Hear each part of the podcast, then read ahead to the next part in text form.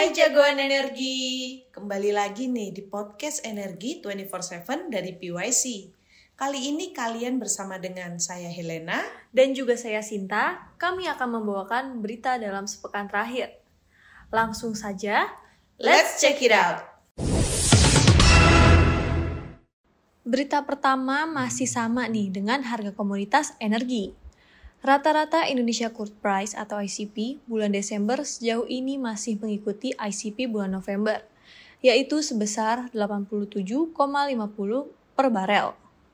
Per 15 Desember 2022, harga minyak West Texas Intermediate atau WTI berada di kisaran harga 76,74 US dollar per barel. Sementara harga minyak Brent berada di kisaran harga 82,9 US dollar per barel. Dan harga batu bara acuan bulan Desember 2022 sebesar 281,48 US dollar per ton. Dan yang terakhir Newcastle Coal Price per 15 Desember 2022 tercatat sekitar 405 US dollar per ton.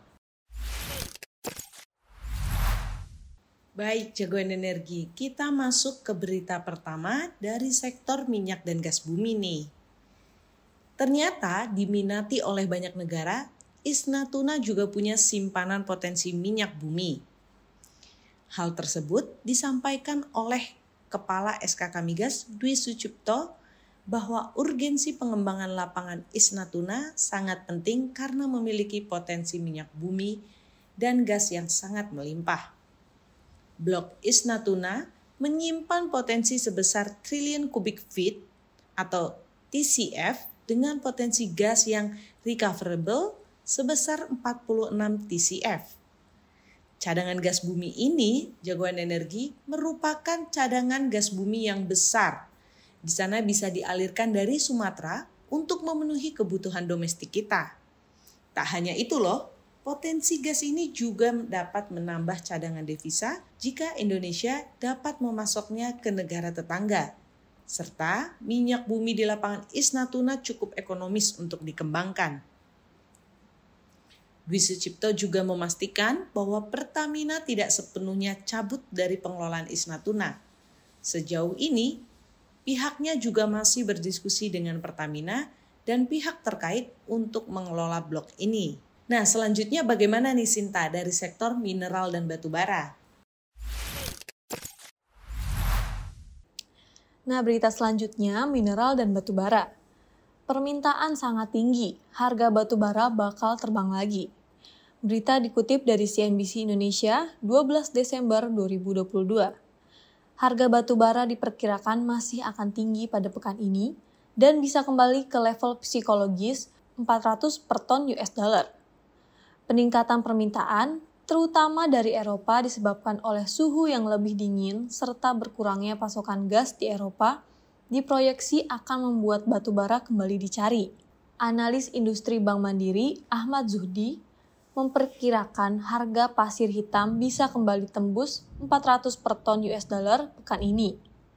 Harga batu bara akan ada di range 390 sampai 410 US dollar diperkirakan suhu di Eropa bagian Nordik dan bagian timur akan turun drastis, bahkan membeku dalam beberapa hari ke depan.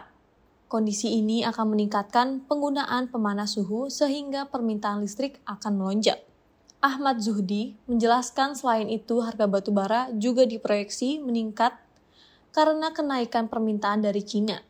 Hal ini sebagai efek dari kebijakan easing zero COVID atau pelonggaran kebijakan COVID-19. Cina adalah konsumen terbesar batu bara di dunia, sehingga perkembangan di negara tirai bambu akan sangat menentukan harga. Langsung aja kita beralih ke sektor energi baru terbarukan nih jagoan energi.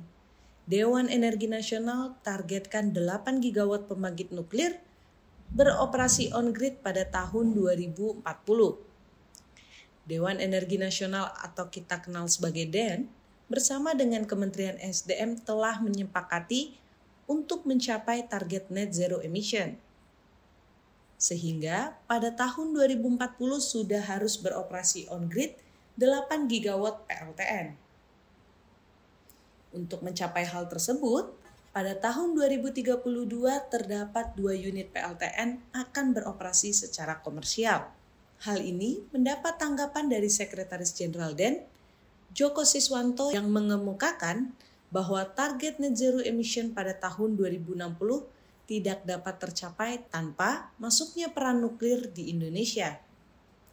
Maka, untuk memenuhi kebutuhan listrik pada tahun 2060, sebanyak 1.815 hingga 2.145 TWh dibutuhkan kontribusi PLTN secara bertahap pada baruan pembangkit listrik agar mencapai kapasitas 35 gigawatt hingga 41 gigawatt di tahun 2060. Adapun keunggulan PLTN nih jagoan energi, di antaranya adalah dalam aspek eksternalitas lingkungan, penerimaan masyarakat, yang tentunya didasarkan pada survei yang telah dilakukan serta adanya pengalaman yang cukup lama mengoperasikan tiga reaktor eksperimen. Berita selanjutnya masih energi baru dan terbarukan nih jagoan energi. Pemerintah bakal subsidi motor listrik 8 juta konversi 5 juta. Berita dikutip dari CNN Indonesia 15 Desember 2022 pemerintah bakal memberikan subsidi untuk pembelian motor listrik baru sebesar 8 juta. Angka ini lebih besar dari yang sebelumnya diwacanakan sebesar 6,5 juta oleh Menteri Koordinator Bidang Kemaritiman dan Investasi Luhut Binsar Panjaitan. Pemberian subsidi ini merupakan langkah penting untuk mendorong percepatan kendaraan elektrifikasi di tanah air. Selain itu, pemerintah juga akan memberikan subsidi sebesar 5 juta bagi masyarakat yang mengkonversi motornya dari berbahan bakar bensin menjadi motor listrik. Tidak hanya itu, pemerintah juga berencana memberikan subsidi untuk setiap pembelian mobil listrik sebesar 80 juta. Kendati demikian, belum pasti kapan pemerintah meresmikan kebijakan pemberian subsidi tersebut. Menteri Perindustrian Agus Gumiwang mengatakan saat ini pemerintah masih dalam tahap finalisasi pembahasan besaran subsidi. Secara terpisah, Luhut mengatakan subsidi pembelian motor listrik dan konversi harus dimulai tahun depan.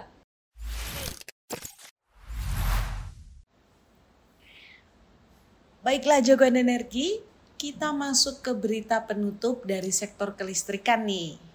Wah, sekarang suasana lagi hujan nih. Semoga listrik tidak dipadamkan oleh PLN ya. Kita sekarang cek daftar negara yang boros listrik nih. Setiap tahunnya, konsumsi listrik secara global kian meningkat.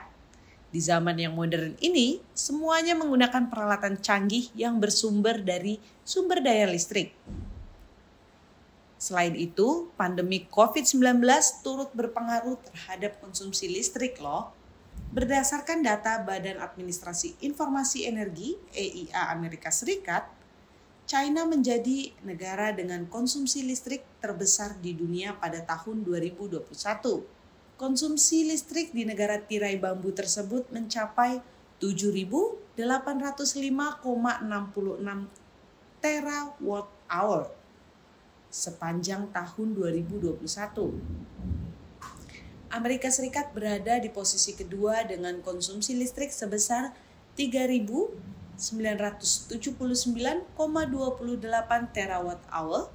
Setelahnya ada India dengan konsumsi listrik sebesar 1442,75 terawatt hour. Kemudian konsumsi listrik di Arab Saudi yang tercatat sebesar 329,1 terawatt hour.